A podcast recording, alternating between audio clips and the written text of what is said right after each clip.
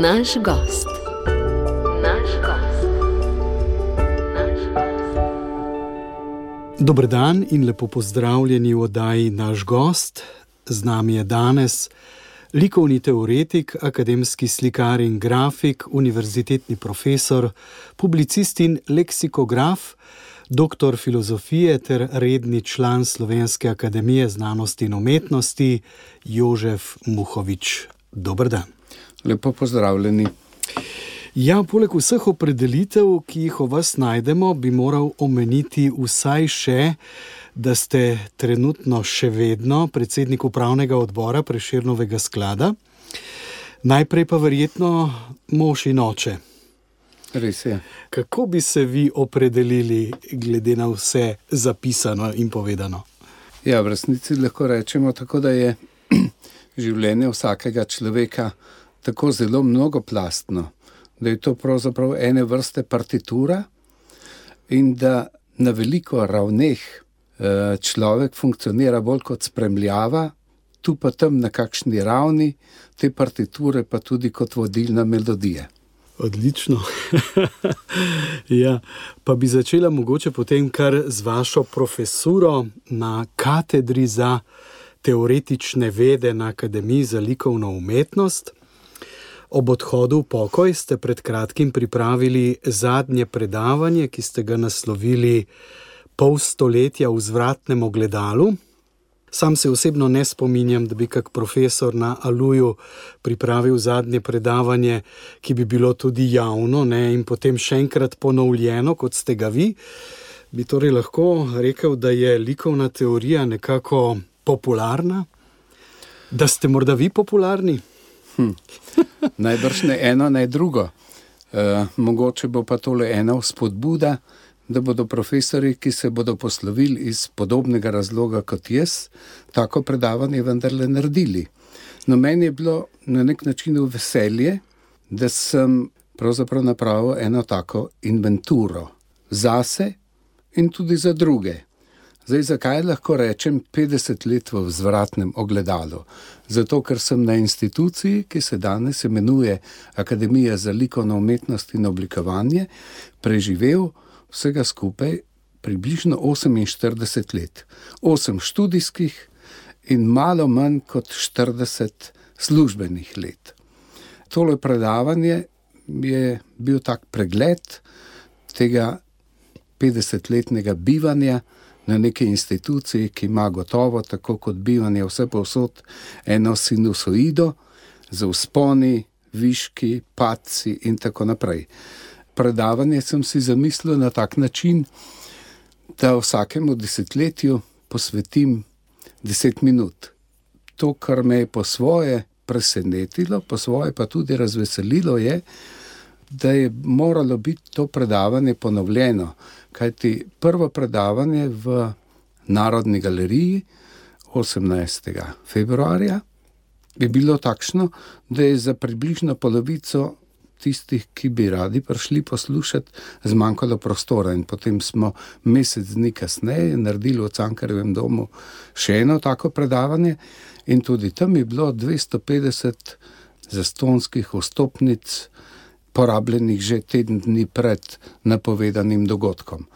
No, v tem predavanju sem na nek način obdelal moje študijska leta, moje službovanje, odnos do teorije, še posebej med umetnostjo in teorijo, še posebej likovno teorijo, potem pa mojo teorijo, mojo prakso, mojo pedagoško prakso. In v Cankarjevem domu sem imel še to srečo, da se mi je na koncu pridružil moj kolega Črtomir Frelih, ki me je po prvem predavanju spomnil, da vsi študenti, ki zapustijo neko institucijo, tega ne morejo napraviti brez zaključnega izpita. In je rekel tudi profesori, to naj ne bi mogli.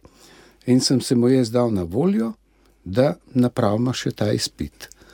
Izpit je bil uspešno položen, bi lahko rekli, v študentskem jeziku. No, mene je presenetilo predvsem to, ne, da se predavanje večinoma pripravi za študente to zadnje predavanje pa je bilo seveda tudi za študente, bili so tudi prisotni, ampak uh -huh. bilo je pa tudi veliko druge publike iz uh -huh. teh in onih uh -huh. krogov, intelektualnih uh -huh. kolegov, slikarskega področja, pa tudi iz drugih.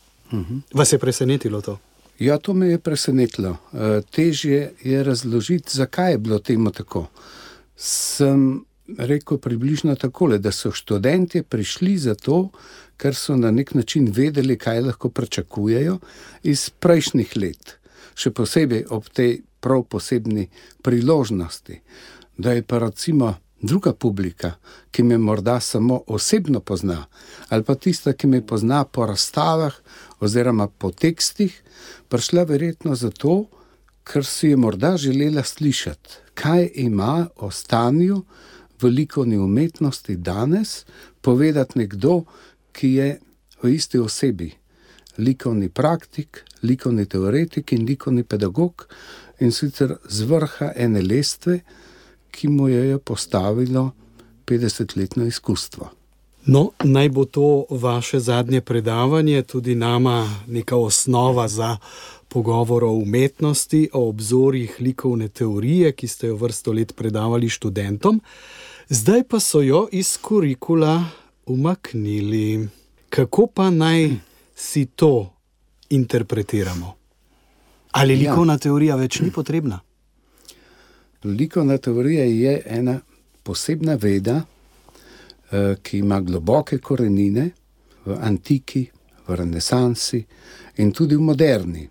Res pa je, da je likovna teorija na nek način teorija, ki podpira gradnjo likovne forme, ne tudi likovnih vsebin.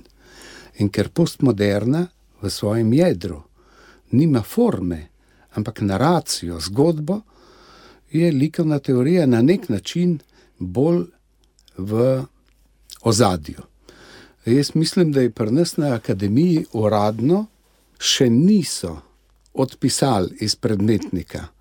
Je pa seveda vprašanje, kaj pod eh, to zaščitno znamko, likovna teorija, prihodnost pripravlja novim študentom. To bomo pa še videli. Jaz upam, da bo to nekaj takega, kar bo služilo umetnikom pri njihovem formiranju. Eh, v veliko veselje pa mi je, da likovna teorija v tej obliki, kot uh, sem jo na ramenih mnogih predhodnikov poskušal posredovati tudi sam, še ni izginila na pedagoški fakulteti, to pomeni med likovnimi pedagogi.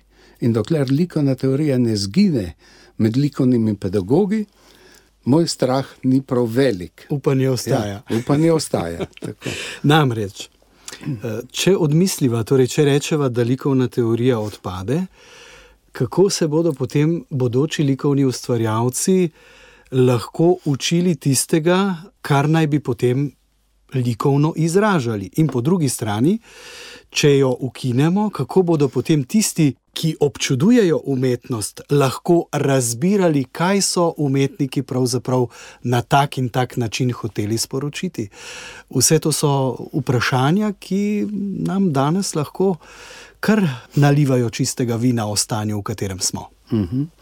Da bi to postalo še bolj jasno, se mi zdi, da je prav, da na nek način napravimo eno analogijo. Likovna teorija je nekaj takega kot gramatika v jeziku. V jeziku, brez gramatike in seveda brez leksike, praktično ne moremo elokventno govoriti. Zdaj, tudi v likovni ustvarjalnosti gre za pravzaprav ene vrste jezik za likovni jezik, ki je sicer drugačen od verbalnega, ampak ima podobno strukturo kot verbalni jezik. E, obstajajo analogije in seveda tudi razlike. Profesor Črt Frelih me je na predavanju o Cankarevem domu vprašal tudi to, na kakšen način likovniki uporabljajo to gramatiko. Ker se zdi, torej, da ta gramatika pravzaprav ni vidna na prvi pogled, in tudi ni, in da jo likovniki ne radi razlagajo drugim. skušal sem se približati odgovoru na, na to vprašanje na tak način, da sem potegnil na plano eno metaforo. Vsak običajen človek zna zavezati vezalko na čevlju.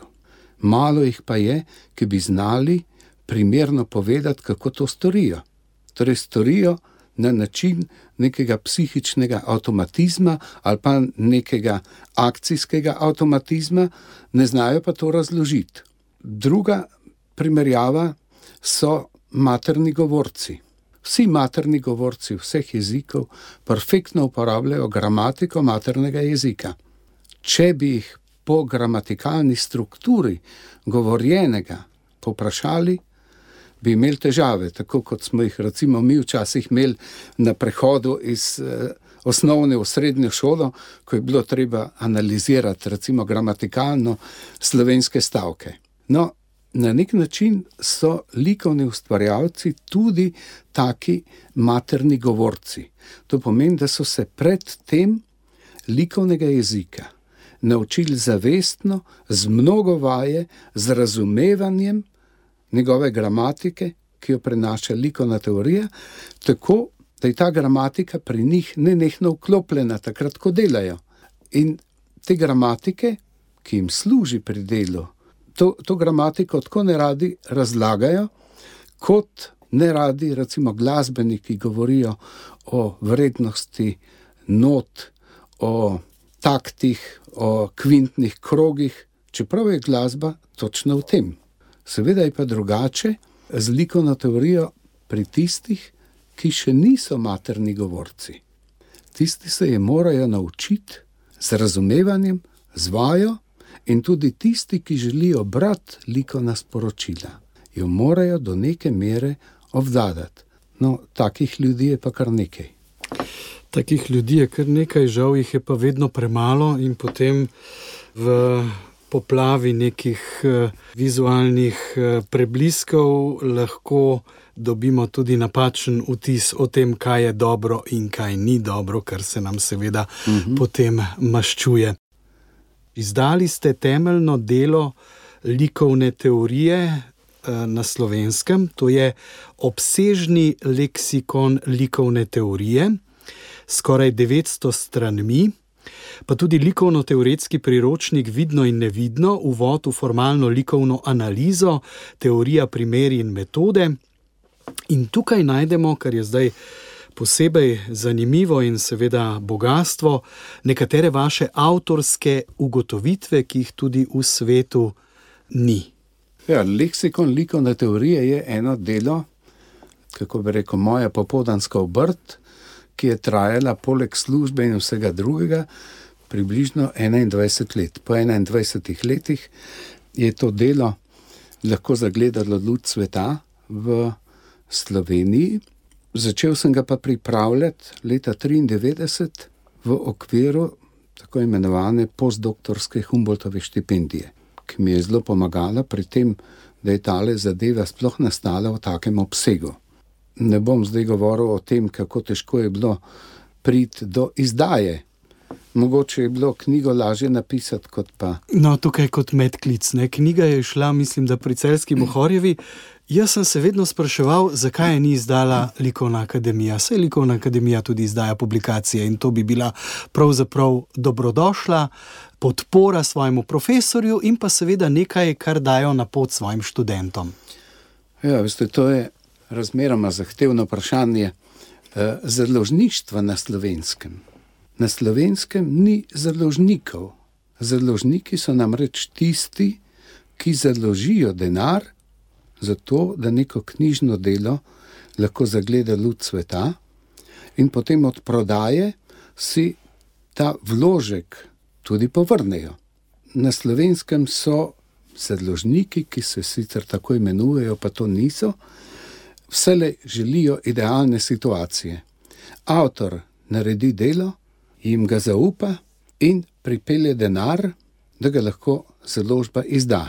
Vse, kar je od prodaje, je za nje tako rekoč čisti dobiček, ker je vnaprej vse pokrito. Vsaj večinoma je tako, no, da me ne bo kdo držal za besedo. V primeru mojega leksikona likovne teorije, ki je dejansko terminološki slovar, ki ga slovenci do takrat nismo imeli, je bilo natančno tako. Torej, tudi naša akademija takrat bi, tako kot mnoge druge založbe, izdala to delo, če bi ga dobila in če bi avtor na nek način dobil sponzorje. Jaz sem sponzorje iskal dve leti in nikogar našel. Obogateli pa niste s to knjigo.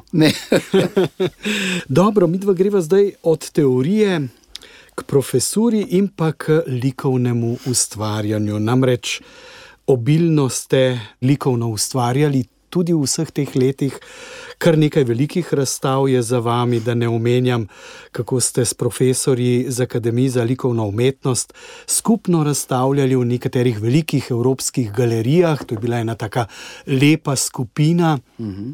Se mi zdi, da za nekega profesorja, ki ima popoldansko obrt, da se ukvarja z likovno teorijo, ni čisto običajno, da pa kar veliko svojega časa posveti tudi slikanju. Oziroma, mora biti zelo discipliniran, da lahko pokaže tudi kakšna dela na tem področju. Ja, to je res. Vse eh, smo prej začeli s tem, da je življenje strašno kompleksna zadeva. Zdaj, če bi človek polno delal samo na področju teorije, pa polno samo na področju prakse, in ob tem ne bi živel, ne bi imel nobenih drugih potreb, zlasti ne družine, potem bi zadeve bile samo težavne. Tako so pa hipertežavne. no, uh, zelo hvaležen sem, da sem uh, med kolegi na Akademiji za likovno umetnost in oblikovanje med leti 2008 in 2018 našel sodelavce, ki smo napravili kar nekaj, kot je bilo rečeno, večjih razstav, predvsem v tujini. Zanimivo, da ne toliko v Sloveniji. E, nismo bili nobena slikarska skupina v tem smislu, da bi naši slikarski svetovi e, na nek način bili tako blizu skupaj. Ampak organizacijsko smo recimo organizirali razstave v muzeju Mimara v Zagrebu, v muzeju Künstlerhaus na Dunaju, v Kunsthalle v Budimpešti, v razstavišču galerije Di Belle Arti di Venecija, v Takamacu Art Museumu na Japonskem. In ob tem smo napravili tudi štiri zelo spodobne, dobro ilustrirane in tudi s večjezičnimi teksti opremljene monografije. To je bilo tako rekoč kot ene vrste uživaški del popoldanske obrti poleg službe. Ja, omenili pa ste, da pravzaprav kakšne večje predstavitve te skupine v Sloveniji pa nismo doživeli. Ne, nismo. Prostori? Ja, prostori so bliže problem. Imeli smo tudi eno večjo razstavo na Ljubljanskem gradu, ki je razstavišče, ki je zelo lepo veliko stvari smo lahko pokazali, ampak vendarle to ni pravo muzejsko razstavišče. Naredili smo tudi eno razstavo v Kranju, drugače pa tale skupina ni bila v Sloveniji prepoznana kot nekaj kvalitetnega ali pa, ali pa zanimivega. No. To je uh, iz biblijskih časov, Nemo profeta in Patrija, ker to spada k poslu.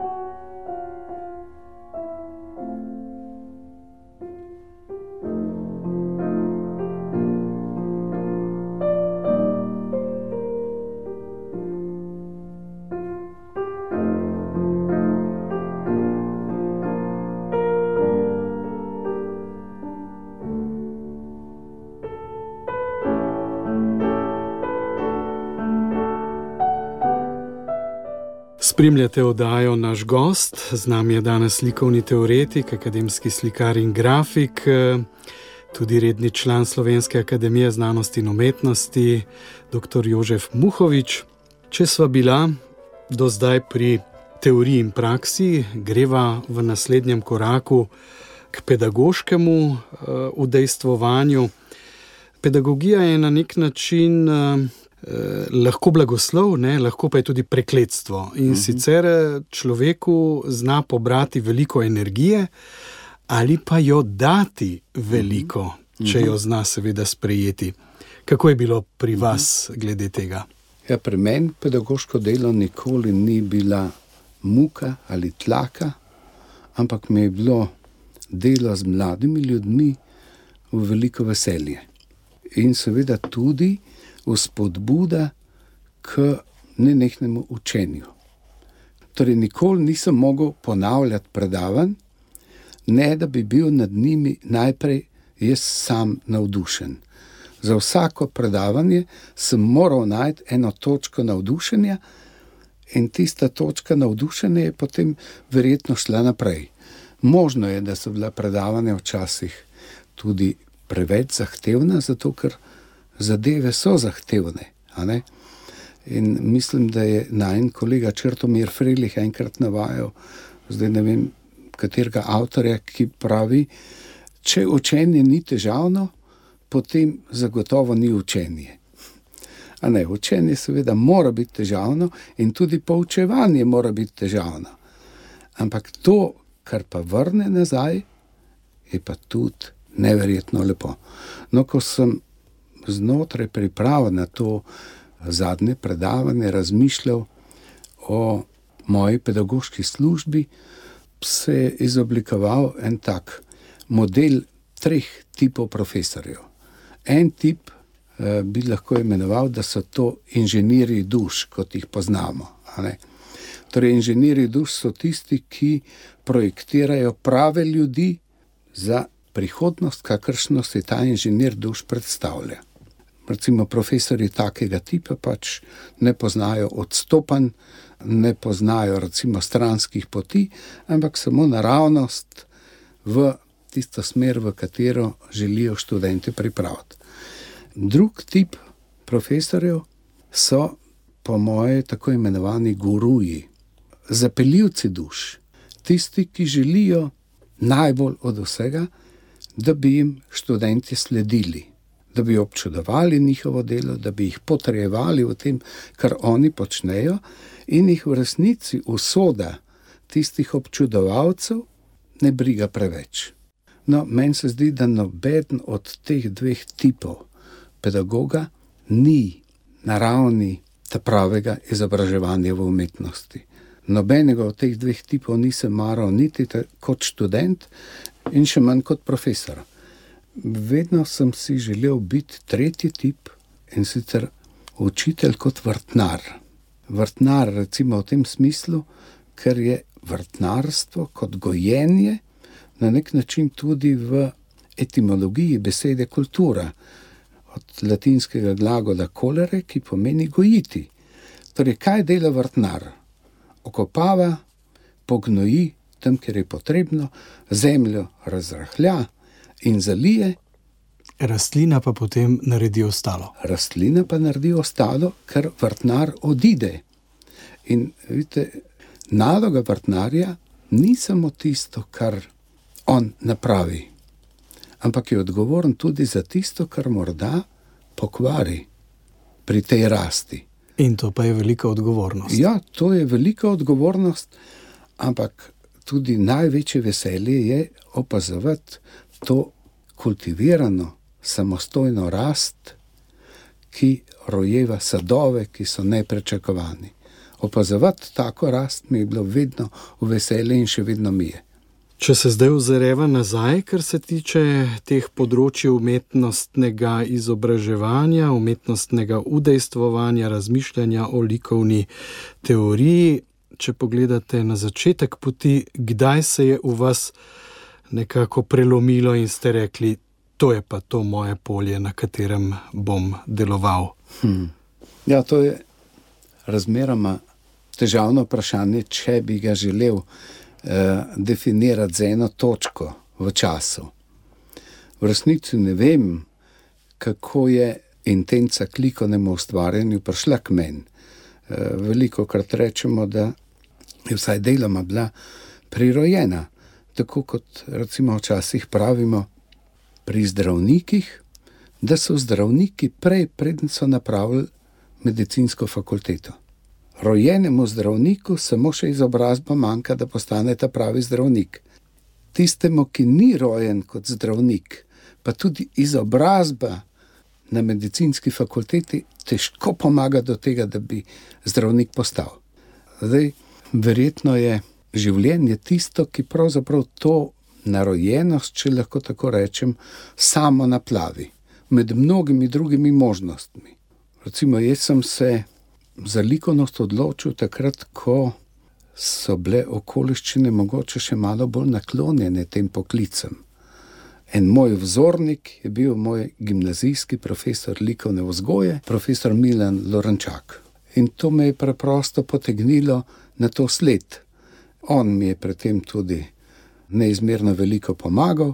Lansko leto je bila stoletnica njegovega rojstva in smo mu pripravili eno veliko posthumno monografijo njegovega dela in mi je bilo to veliko veselje.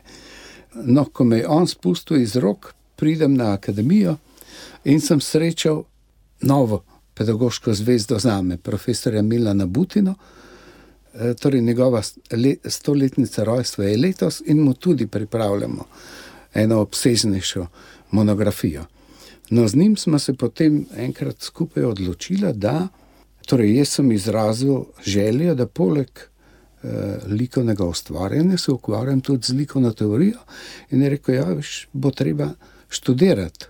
In ko smo ugotavljali, kaj bi pravzaprav to bilo, ker takrat niti magistrirati, niti doktorirati iz likovne teorije še ni bilo mogoče, smo se oba odločili, da bi filozofski študij bil dobra osnova za to, torej propedeutična osnova za nadaljni študij. To je profesor potrdil iz prve roke, ker je sam to pot tudi dal skozi in potem sem jo še jaz. In potem ko se enkrat utirjen, je tako kot uh, na planiški skakalnici. Greš po zaletišču in skačeš. Zdaj smo ja. torej ugotovili, zakaj je doktor filozofije. Ne? Tako, tako. No, lahko rečemo tudi to, da je pravzaprav še en globli razlog. Izbor za likovno ustvarjalnost je pri meni izviral iz otroškega sveta. Na deželi je bilo tako, da je bilo šolsko delo in fizično delo tako naravno povezano. In ko sem se jaz znašel v času izbire poklica, sem kar naenkrat ugotovil, da mi ne ustreza samo ročno delo. To pomeni kakšen obrtniški ali pa podjetniški poklic, in da mi ne ustreza niti študij, da mi ne bo treba delati tako, kot so včasih na deželi govorili. No, pri likovni ustvarjalnosti pa to ni bilo potrebno, ker ima oboje skupaj. Ma intelektualno delo in ima fizično delo, ker je vsaka, torej likovna umetnina, istočasno fizična stvar in torej z duhom obdelan fizis, ker je vsaka likovna forma istočasno materija in je istočasno organizacija. Umetnik, in duh. Umetnik ima vedno za nohti nekaj črnega. Ne? Tako, tako. In to je zelo v redu. To pomeni, da me je privlačilo ene vrste komplementiranje dveh nasproti. Likovna umetnost je istočasno fizika in metafizika. No, tukaj se deloma pozna, zakaj je filozofija zraven. Filozofija je ta metafizični vidik. Ampak tudi znotraj filozofije sem jaz našel tako, tak komplement. In sicer sem imel tudi tukaj srečo, da sem se v, na podiplomski ravni študija filozofije ukvarjal z povezavo, nenavadno povezavo logike in estetike. Na prvi pogled tole ne gre zelo skupaj, ampak v resnici sta pa to dve med seboj tesno povezani disciplini, propedeutični disciplini teoretične in praktične filozofije, zato ker je logika veda, ki proučuje razumsko odločanje in razumsko spoznavanje, medtem ko je tudi estetika sredi 18. stoletja bila razvita kot veda o čutnem spoznavanju, ker so ljudje ugotovili, oziroma filozofi ugotovili, da spoznava ne samo razum, ampak da spoznavajo tudi čuti. In so potem, seveda, ugotovili tudi to, da je to čutno spoznavanje posebej intenzivno in dosega posebej visoke amplitude na področju umetnosti. No, in uh, tudi tukaj sem imel srečo, da je bil moj mentor pri tem, profesor dr. Franji Jerman, ki je bil tudi sam estetik in logik v isti osebi. Moram reči, da mi je to povezovanje logike in estetike izjemno veliko koristilo potem pri raziskovalnem delu, tudi na področju likovne teorije.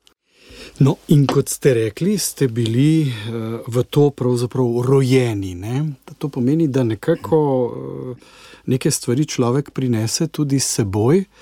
Vi prihajate iz uh, Savinske doline. Uh -huh. Je bilo v družini potem kaj takega, kar je bilo povezano z umetnostjo, z likovnostjo, eh, s teorijami in tako naprej? Eh, neposredno ne, posredno pa zelo. Recimo, moj star oče je bil izjemen risar z veliko prostorsko predstavljivostjo. Čeprav ni bil likovni ustvarjalec, bil je kovač in uh, ključavničar v svojem upokojenskem času se je ukvarjal z izumljanjem eh, zapletenih ključavničnih sistemov za odpiranje oziroma neodpiranje blagajn, ki jih je izdeloval. Eh, jaz sem mu pri tem moral marsikdaj eh, tudi pomagati. Je bilo zanimivo, da je včasih čez dan pogruntal en sistem, ampak preko noči je prišel pa do nove ideje, še bolj ekonomične, in je vse zavrgel od prejšnjega dneva in vse postavil na novo. Na novo. Ja, recimo takih blagajn, ki jih je bilo skoraj nemogoče odpreti brez vnaprejšnje vednosti, je kar veliko napravo. Ampak to pravzaprav ni bil njegov posel, to je bil njegov hobi. V tem je neskončno užival. Recimo tudi moj oče je bil. Eh, se je doma izšolal in se je potem recimo, preizkusil v poškarni v Kragujevcu, tam, kjer so delali v orodjarni te poškarne. Ali pa recimo, če vzamem tako, če bi na področju likovnosti bila recimo stvarnost, kot jo v glasbi imenujemo, absolutni posluh. Potem bi jaz lahko rekel, da je moja mama imela tak absolutni likovni posluh ni bila šolana o likovni umetnosti in ni imela nobenega pojma. Je pa zanimivo, ko sem jo odvadil, da morajo biti stvari, torej da ni potrebno, da so stvari na slikah res popolnoma analogne videzu, vidne stvarnosti, sem jo veliko krat povabil v atelje, ker je ona imela neskončno precizne sodbe. To je tako, kot bi uh, neobremenjen človek prišel pred mojo sliko in direktno pokazal, kaj je na njej narobe, oziroma kaj bi bilo treba spremeniti. Ni nikoli povedala, kako, ampak tako je vedela, kaj ne štima. Jaz moram reči, da sem bil veliko krat jezen na njo, ker takrat, ko ti nekdo to pokaže, nisi prav vesel ampak se je pogosto krat zgodilo, da je ob nadaljevanju dela bilo potrebno upoštevati točno to, kar je bilo rečeno. Recimo v tem smislu sem jaz dobil nekaj iz, kako bi rekel, družinske dediščine, če lahko tako rečem. In zdaj se lahko premaknemo še na polje moje zgodbe. Namreč vaša družina iz Savinske doline ima tudi zaznamovanost druge svetovne vojne ki je pustila globoko sled, in je pravzaprav bilo tudi po vojni kar nekaj časa potrebno, da ste to družinsko travmo ponotranili, preživeli, premislili in tako naprej. Lahko nekaj besed tudi o tem. Ja, to je bila družina moje mame in moje stare mame. Uh, ni sicer bila v Savinski dolini, ampak v Zadreški dolini, v Gornjem gradu. Uh, moj star oče je bil razmeroma velik kmet. Med drugo svetovno vojno so partizani v njegovem gozdu ustanovili ene vrste bunkere, eno tako svojo postojanko. In moj stari oče, ker jih je poznal, jim je nosil hrano. Enega od teh partizanov so ujeli, tako je bilo meni kasneje rečeno, in po brutalnem mučenju je izdal. In potem lepega dne, starega očeta ni bilo doma, bil je s konji nekje na, na potu in so ga uh, nemški vojaki počakali. In je prišel domov, lahko je vzel samo še suknič in se poslovil. Umrl je, mislim, da tri mesece potem v taborišču Mauthausen. To je bila strašna tragedija za mojo staro mamo, ki je ostala sama s sedmimi otroki na veliki kmetiji. No, zgodba je pravzaprav z mojega stališča izjemno zanimiva. Jaz sem v mojih mladih letih praktično vse počitnice, predtem pa tudi še kaj več kot počitnice, preživel pri stari mami. Absolutno nisem opazil, da starega očeta ni nikjer. Nihče ga ni omenil, meni se je zdelo, recimo, nekaj popolnoma samoumevno, da ga preprosto ni.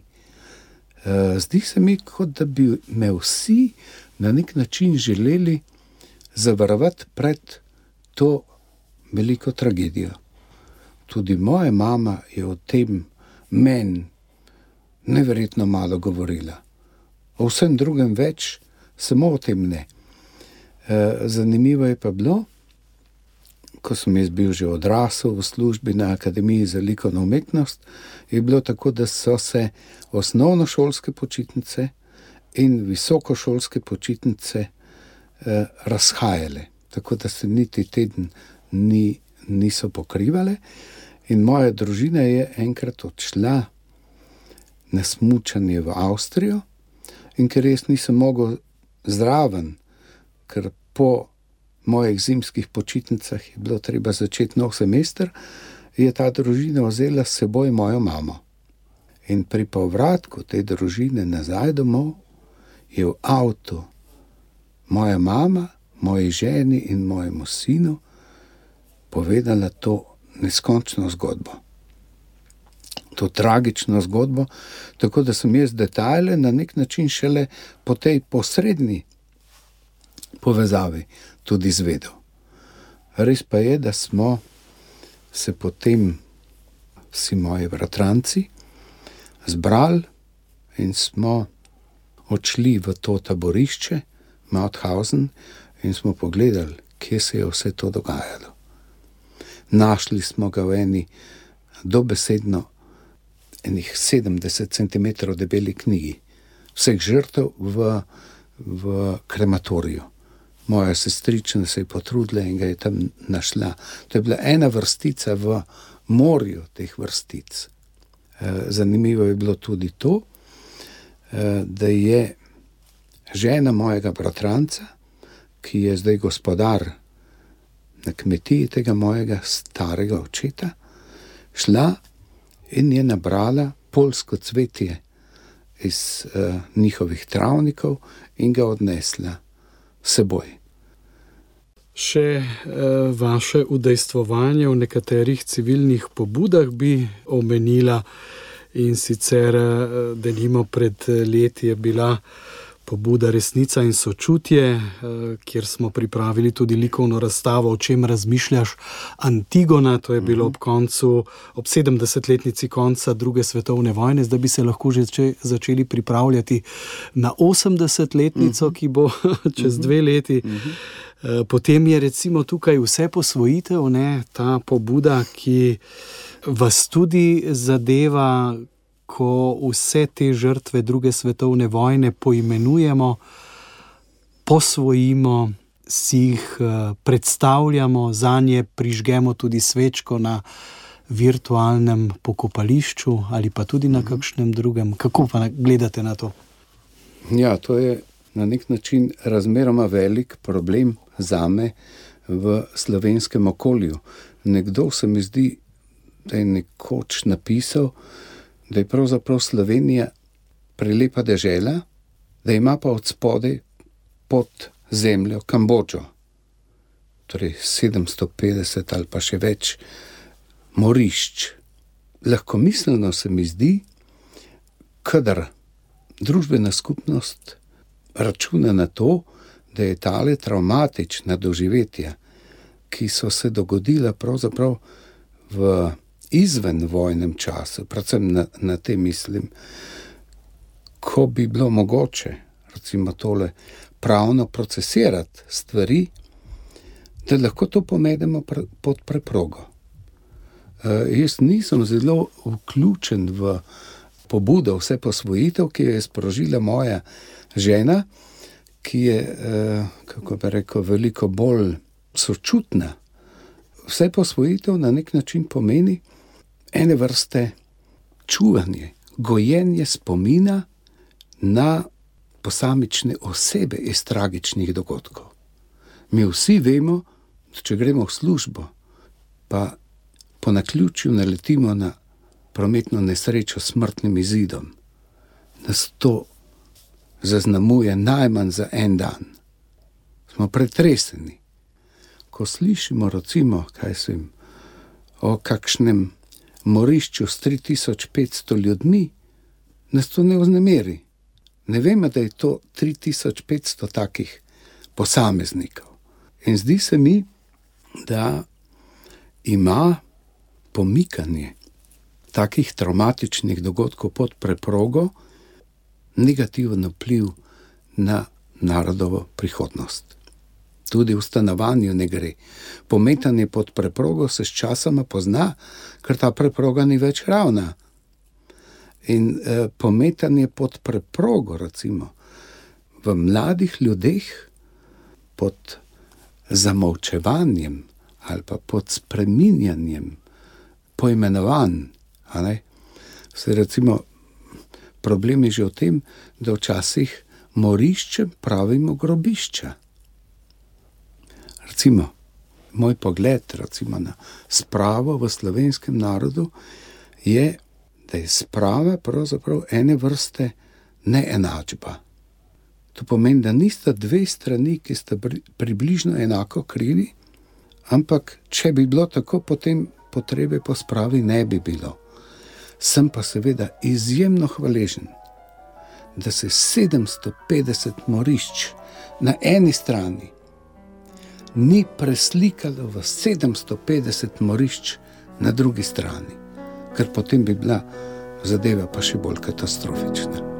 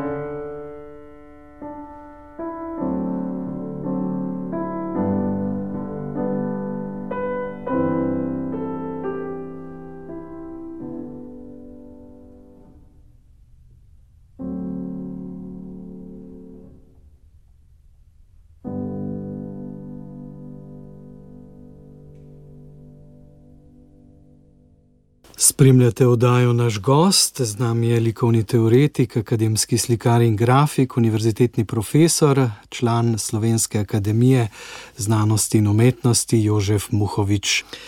Ker uh, sva nekaj stvari že odprla, se mi zdi tudi, da s tem, ko ste nekako povedali to svojo družinsko zgodbo, ki bi sodila tudi v oddajo Moja zgodba, stopamo na področje tega prostora Slovenije. In ker je ta oddaja na sporedu ravno teden dni pred eh, največjim državnim praznikom, dnevom državnosti, bi morda zdaj nadaljevala pa eh, s pogledom na to, da je vsak rojen v svoj narod, na svoj košček sveta, da tukaj požene korenine in da jih Slovenci pravzaprav imamo že dolga stoletja, svojo državo pa pravzaprav šele nekaj desetletij. Kako vi gledate na ta praznik, oziroma na to, da recimo našim prednikom to ni bilo dano, nam pa je, pa se zdi, da tega ne znamo prav ceniti? Ja, jaz bi se lahko strinjal s tem, kako bi rekel žalostnim povzetkom, da ne znamo ceniti dragocenosti, ki jo imamo, ki bi jo dejansko morali na nek način razvijati bolj intenzivno kot jo. Ker drevo, ki nima dobrih korenin, ki nima recimo razvejenih korenin, mislim, da biologi pravijo, da imajo drevesa dve krošnji, eno pod zemljo in eno nad zemljo. Zdaj, če je tale podzemeljska krošnja v neskladju, v, v nesorazmerju s to zunanjo krošnjo, potem ta rastlina ne vzdrži. Jaz mislim, da bi slovenci, ki te korenine pravzaprav imamo, bi jih morali še spoznati zato da bi ta krošnja nadzemeljska lahko bila bolj zelena, kot mogoče je. No, ampak, če pogledamo zdaj na to intelektualno sfero, recimo, tudi recimo na vaše slikarske kolege, um, umetniške kroge in tako naprej, se zdi, da je ta pogled na nacionalno, na slovensko, na korenine, pravzaprav nekaj, kar omejuje, nekaj, kar bi se radi čim prej znebili. Uh mhm. -huh. ja, mislim, da je to izvira iz uh, napačnega, oziroma kako bi rekel, uh, vse zlo prihaja od napačnega razumevanja pojmov. Napačno razumljeno nacionalno vidi nacionalnost kot nacionalizem in napačno razumljena internacionalnost vidi mednarodno povezovanje ali pa širše vklapljanje v svet kot eh, nasprotje nacionalnemu ali pa osebnemu. Sej, vidite, lahko rečemo takole: mi smo vsi najprej osebe, potem smo ljudje. In če smo ljudje, ne nehamo biti osebe. Podobno je tudi z narodi. Če je narod, recimo, del svetovne skupnosti, je lahko to samo na tak način, da je v tej svetovni skupnosti nekaj posebnega kot nacija.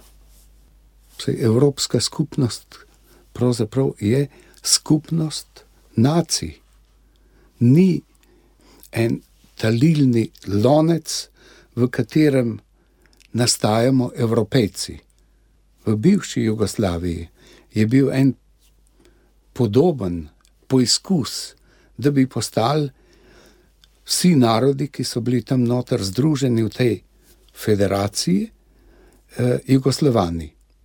In je klavrno propadal. Ja. Celo tisti, ki so ga sprožili, so pravočasno ugotovili, da to ne funkcionira za res, ker vidite, ni mogoče vse napraviti, kar si ljudje zamislimo, kar je pa mogoče v nasprotju, ali pa kar izvira pa iz nepopolnega spoznavanja realnosti. Ker ljudje smo, seveda, inteligentna bitja, eh, ampak inteligentna bitja ne izskočijo iz realnosti, ampak se samo v realnosti bolje orientirajo, bolje obnašajo in v njej ali pa iz nje več iztisnejo. Tudi v umetnosti je pravzaprav tako. No, in če se mi dva vrneva k prazniku Dnevu državnosti, se vi spominjate tistega dogodka, takrat leta 91 na Trgu Republike in tako naprej. Če smo bili takrat tako zelo navdušeni, vse nam je nekaj uh, ja. v prsih tlelo in tako naprej. Tudi ljudje, ki se niso poznali med seboj, so se trapljali. Uh -huh. Danes je to navdušenje nekam uplahnilo, se vam ne zdi? Ja, jaz sem bil takrat tudi zraven, oba žena smo bila na tistem trgu takrat, bili smo veseli. Seveda je res, da, kako bi rekel, kakšna euforija čez čas mora priti v normalne ternice. Ampak vprašanje je, če smo mi s to ohladitvijo prišli res v normalne ternice. O tem se pa moramo še, po mojem mnenju, spraševati. Eh, ker recimo imeti državo in znati z njo upravljati, to je velika stvar. Ampak vidite, to, kar se mi iz zgodovine pravzaprav nismo dovolj naučili, eh, je, da so včasih vodstvene funkcije prevzemali ljudje, ki so bili za nje dolgo časa pripravljeni. Uh, jaz občudujem, recimo, tiste, ki so osamosvojitev izvedli iz preprostega razloga, ker so na nek način padli v te vodstvene funkcije. Zdaj, to, kar meni dela težave, je, da so ljudje, ki so v samih začetkih eh, vodili to državo, zadevo obvladali bistveno bolje kot tisti po 30 letih. To pa je problem. To pa pomeni, da recimo v 30 letih bi mi na nek način morali vzgojiti prave državnike. No, tukaj pa, po moje, samo opazujemo, kot da bi se nam stvari dogajale, namesto da bi jih mi dogajali. Tukaj se potem uh, postavlja, seveda, vprašanje pomena samostojnosti, ne? ali se ga uh, mhm. zavedamo pri ohranjanju, recimo, te naše slovenske identitete, ki bi mhm. zdaj, recimo, v samostojni državi morala zaživeti tako, kot smo si, vem, mhm. predstavljali, da recimo v neki državi, kjer je uradni jezik, ne vem, srpski ali pa nemški, mhm. nikakor ne bi mogla. Ne? Ja, res je. Jaz bi rekel takole, da seveda, ko pridejo zadeve v resno fazo, v delovno fazo, ne morejo več potekati tako hitro, tako, eh, kako bi rekel, burno kot na začetku, ampak tudi država pride v normalni delovni tek. No, pri nas se mi zdi, da se to ni zgodilo ker so, mogoče bi lahko rekel, da so vsaj deloma voljivci bili volitev iz prejšnjih časov, nevajeni. Mislim, da slovenci nismo še, kako bi rekel, profesionalni voljivci zahodnega tipa. Da je recimo naš problem v tem, da ne povezujemo naše življenjske, vsakdanje realnosti z odločitvami, o prihodu na volitve in o izboru na volitvah. Tega nismo bili vajeni in še zdaj mislimo, da so volitve pravzaprav ena igra, ki nas pravzaprav bolj mal zadeva. Recimo nizka volivna udeležba meni govori točno to. Ampak volitve so skrajno resna zadeva za vsakega človeka posebej. In to ne za skupnost, za njega samega, te, te povratne zanke se mi zdi, da še nismo naredili. No, ampak da vendarle eh, zaključiva z enim optimizmom, ko smo tik pred državnim praznikom, dnevom državnosti, pa vendarle lahko rečemo, da to, da imamo svojo lastno državo, je tako velik plus, oziroma tako velik razlog za praznovanje, če tudi nismo vedno zadovoljni s tem, kar se pri nas dogaja, smo pa le na svojem in. Stvari se bodo nekoč vendarle morale urediti. Če se bodo uredile znotraj samostojne države, bo to čisto nekaj drugega, kot pa če bi se urejale recimo eh, v kakšni drugi federaciji. Absolutno se strinjam s tem. Torej, mi dva smo zdaj na nek način eh, tisto, kar je utegnilo zveneti malo pesimistično. To je bil posnetek trenutnega stanja. Ampak, ko je država na tirih, ko teče, potem je ta le država na, ne, na nek način usmerjena v eno prihodnost. Jaz ne verjamem, da je možno, da bi zdaj prišlo do tega, da bi država iztirila. Ampak eh, tisti, ki v njem živimo, eh, moramo z njo tudi dozorevati. Dozoreli ljudje dozorijo državo in država jim na to povrne. Jaz vsem slovencem želim, da bi se to čim prej zgodilo. In na tem mestu predlagam dr. Jožef Muhovič, da tudi zaključiva najmen pogovor z enim optimizmom, z enim pogledom v naprej, z vprašanjem, ki se seveda dotika naše samostojnosti, slovenske identitete in pa državnega praznika, dneva državnosti, ki je tik pred vrati. Hvala lepa za vaše besede. Želim vam veliko ustvarjalnega nemira tudi v času, eh, ki je pred vami zdaj, kot ste povedali. Ste stopili v pokoj, in zdaj so pred vami novi izzivi. Eh, lahko se boste bolj posvetili eh, slikanju, tudi še razmišljanju o likovni teoriji, in pa seveda vsemu tistemu, kar radi počnete, pa danes nisva omenila. Hvala lepa, vse dobro tudi vam in vašim poslušalcem. Lepo zdrav. Hvala.